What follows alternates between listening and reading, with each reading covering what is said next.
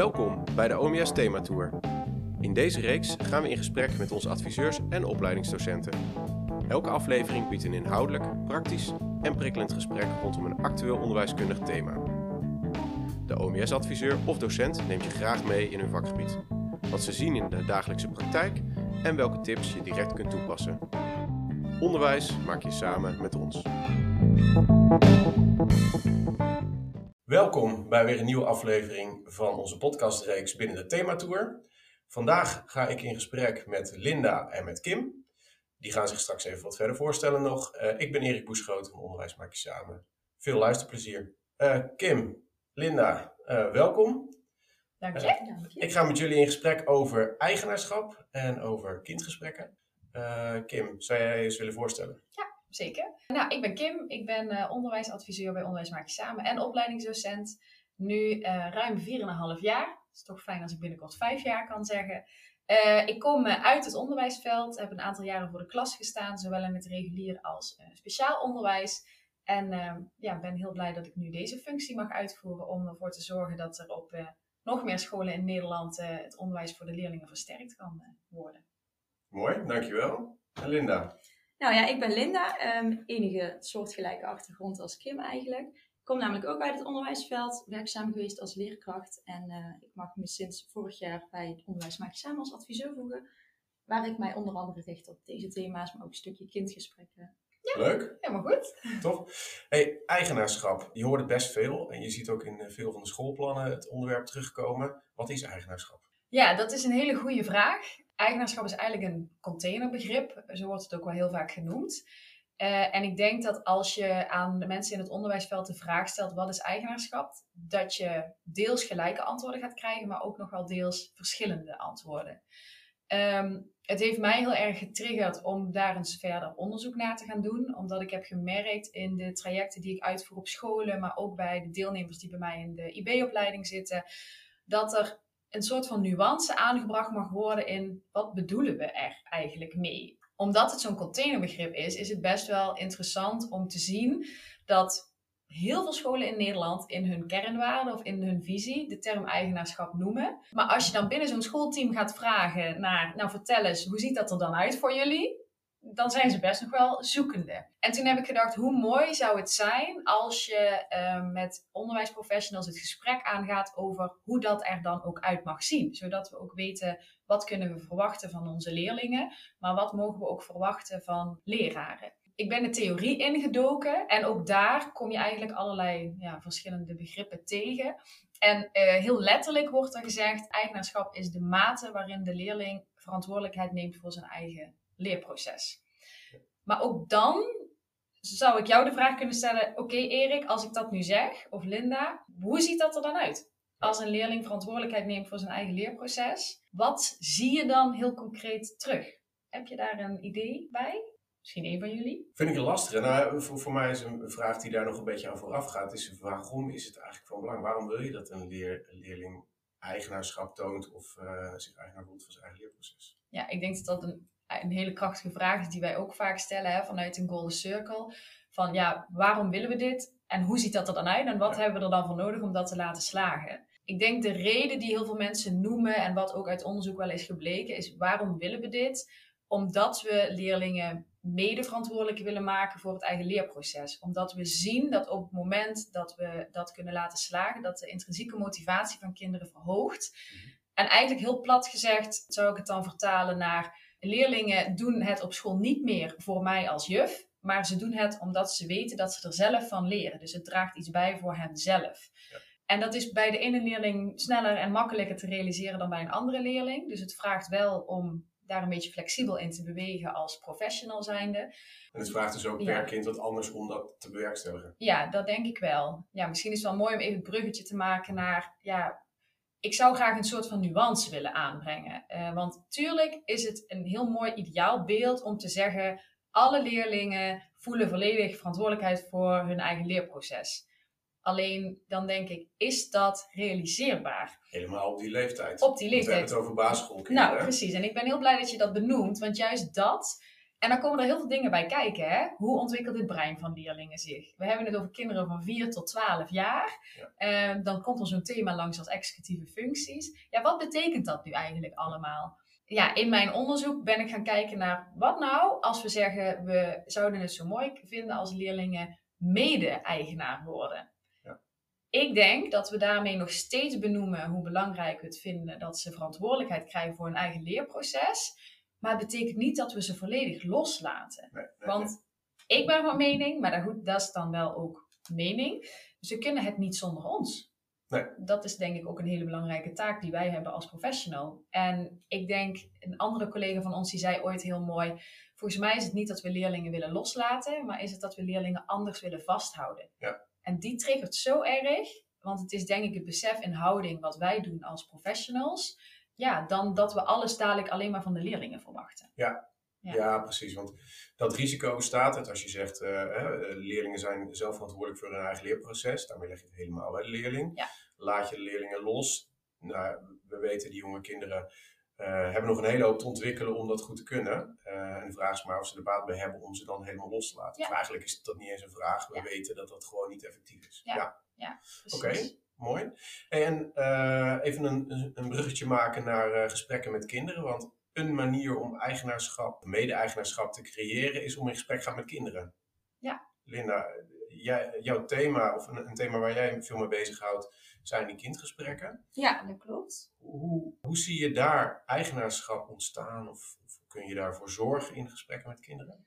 Nou, ik denk dat het vooral belangrijk is dat je met kinderen in gesprek blijft en dat je zicht blijft houden op waar ze staan en waar ze naartoe willen gaan en wat je dus van hen mag verwachten. En dat je die vaardigheden die kinderen nodig hebben om het uiteindelijk zelf te kunnen doen, dat zij dat ook aangeleerd krijgen, stap voor stap. Ja.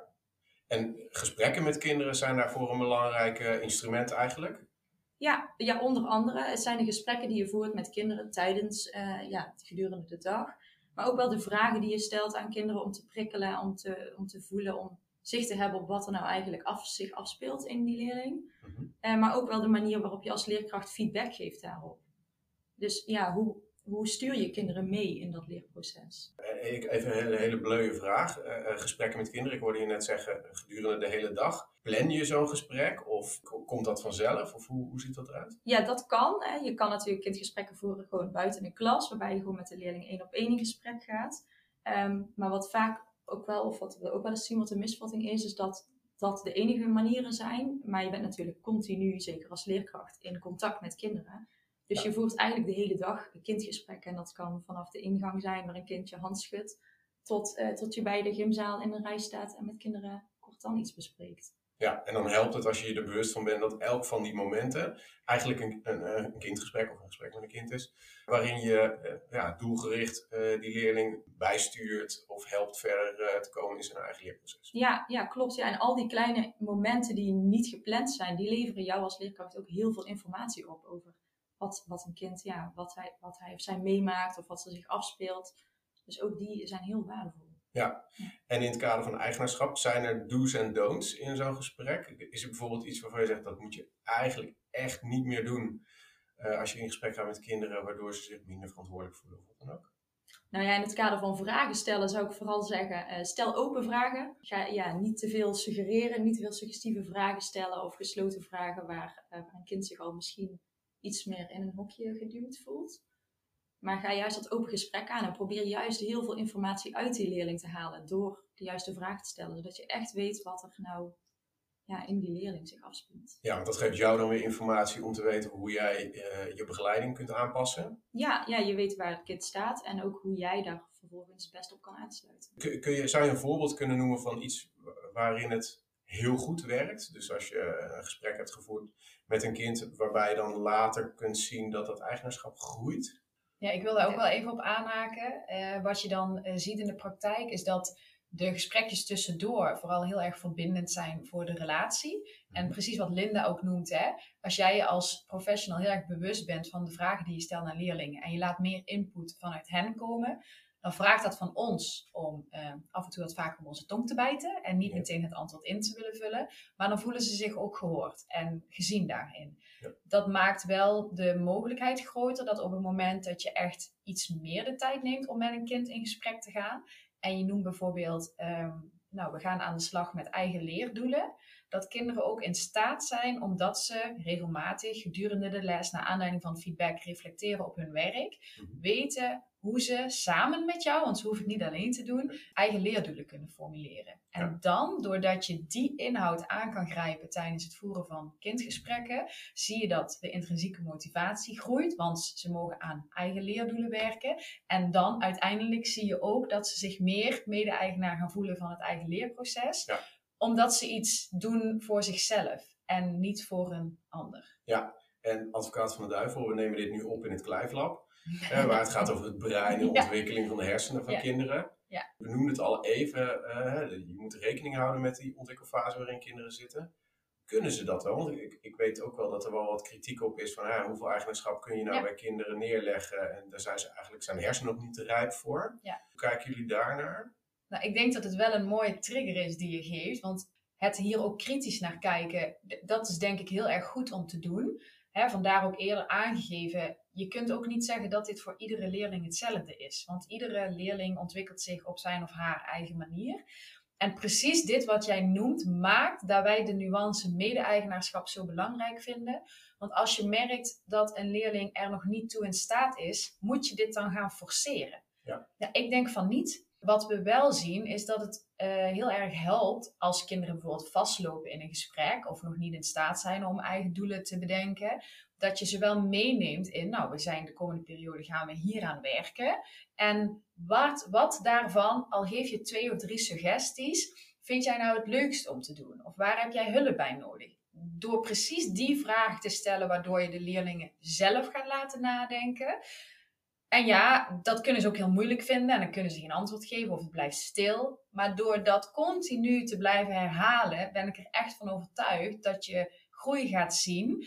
Alleen al dat het normaal wordt voor leerlingen om te praten over leren. En ik denk dat dat ook doorwerkt naar thuis. Um, dat op het moment dat je kinderen thuiskomen als ouders zijn en je vraagt, goh, hoe was het vandaag op school? Nou, dan krijg je of geen antwoord of goed of nou ja, het is altijd een beetje zo dat kinderen dan gewoon ook meer weten te vertellen. Omdat ze meer betrokken raken bij wat ze nou daadwerkelijk aan het doen zijn. In plaats van klakkeloos overnemen. En ze leren taal om onder woorden te brengen. Nou, precies. Ja, precies. we noemen het ook wel eens leergesprekken voeren. En dat suggereert dat op het moment dat je met kinderen in gesprek gaat, dat het alleen maar over leren mag gaan. Terwijl we het net zo belangrijk vinden om het te hebben over relatie en welbevinden. Ja. Ehm, maar wat bedoelen wij met leergesprekken? Dat zijn gesprekken in de lerende setting. Die helpen je praten over leren. En, maar dat kan overal over gaan. Precies. En uiteindelijk, weet je, eh, eh, als, als leerkracht ben je natuurlijk ook verantwoordelijk voor het leren van de leerling. Precies. En al die andere aspecten, zoals het welbevinden, spelen daar zeker een rol bij. Ja. En maar uiteindelijk draait het erom dat ze er leren op school. Ja. En als toevoeging uh, denk ik Erik dat het ook wel belangrijk is of helpend is voor als, als onderwijsprofessional om een beetje zicht te hebben op wanneer, wat mag je nou verwachten van de leerling in welke leeftijdsfase. Ja. En in welke leeftijd ontwikkelen zij bepaalde vaardigheden en is daar dan extra aandacht voor nodig om ook dat eigenaarschap eigenlijk ja, te bewerkstelligen. We kunnen hier nog uren over doorpraten. Zeker. als ik jullie uh, de vraag stel, wat zou je nog als tip willen meegeven of als wens willen uitspreken, uh, uitspreken voor het onderwijsveld? Als ik jullie om één tip mag vragen? Nou, in het kader van kindgesprekken misschien zou ik zeggen, uh, nou, zijn er eigenlijk misschien toch twee verpakt in één. Luister goed naar je leerlingen en stel de juiste vragen. Ik denk dat dat wel heel veel omvat. Ja, en ik denk in het kader van als dit onderwerp jou ook prikkelt, of je kijkt in de visie van jouw school en daar staat daadwerkelijk die term eigenaarschap, bedenk dan eens voor jezelf, wat houdt het voor jou concreet in en wat vraagt het ook van jou in jouw houding als onderwijsprofessional? Ga daar eens kritisch naar kijken, want je hoort snel terug, ja, maar dat kunnen onze kinderen niet, of ik weet niet hoe ik dat moet doen. Linda en ik zijn ook allebei uh, juf geweest. Sinds dat ik me erin heb verdiept, heb ik gerealiseerd, ik had het ook meer kunnen doen. Ja. Maar dat triggert wel, want je hoeft niet in één keer een hele grote stap te zetten ik ben veel te lang van stof. Maar als laatste wat ik daarover wil zeggen, je mag je gaan bewegen op een soort van continuum van begeleiding. Als je je bewust bent van het feit dat jij heel erg leraargestuurd lesgeeft, dan kun je meteen de sprong willen maken naar ik wil meer leerlinggestuurd lesgeven. Mhm. Maar eigenlijk is het al voldoende als je het meer gedeeld gestuurd gaat doen. Ja. Dus je gaat het samen doen met de leerlingen. En hou die spiegel maar eens voor en kijk eens wat je daar al in doet en hoe je dat nog meer kan, eh, kan ja, versterken. Mocht je nou geïnteresseerd zijn in dit onderwerp, eh, jouw onderzoek waar je over sprak, veel van daarvan heb je opgeschreven in een boekje, wat je samen met eh Jenneke van der Mark hebt eh, geschreven. Zelfregulatie in een notendop. Klopt. Dank voor dit gesprek en eh, wellicht tot ziens.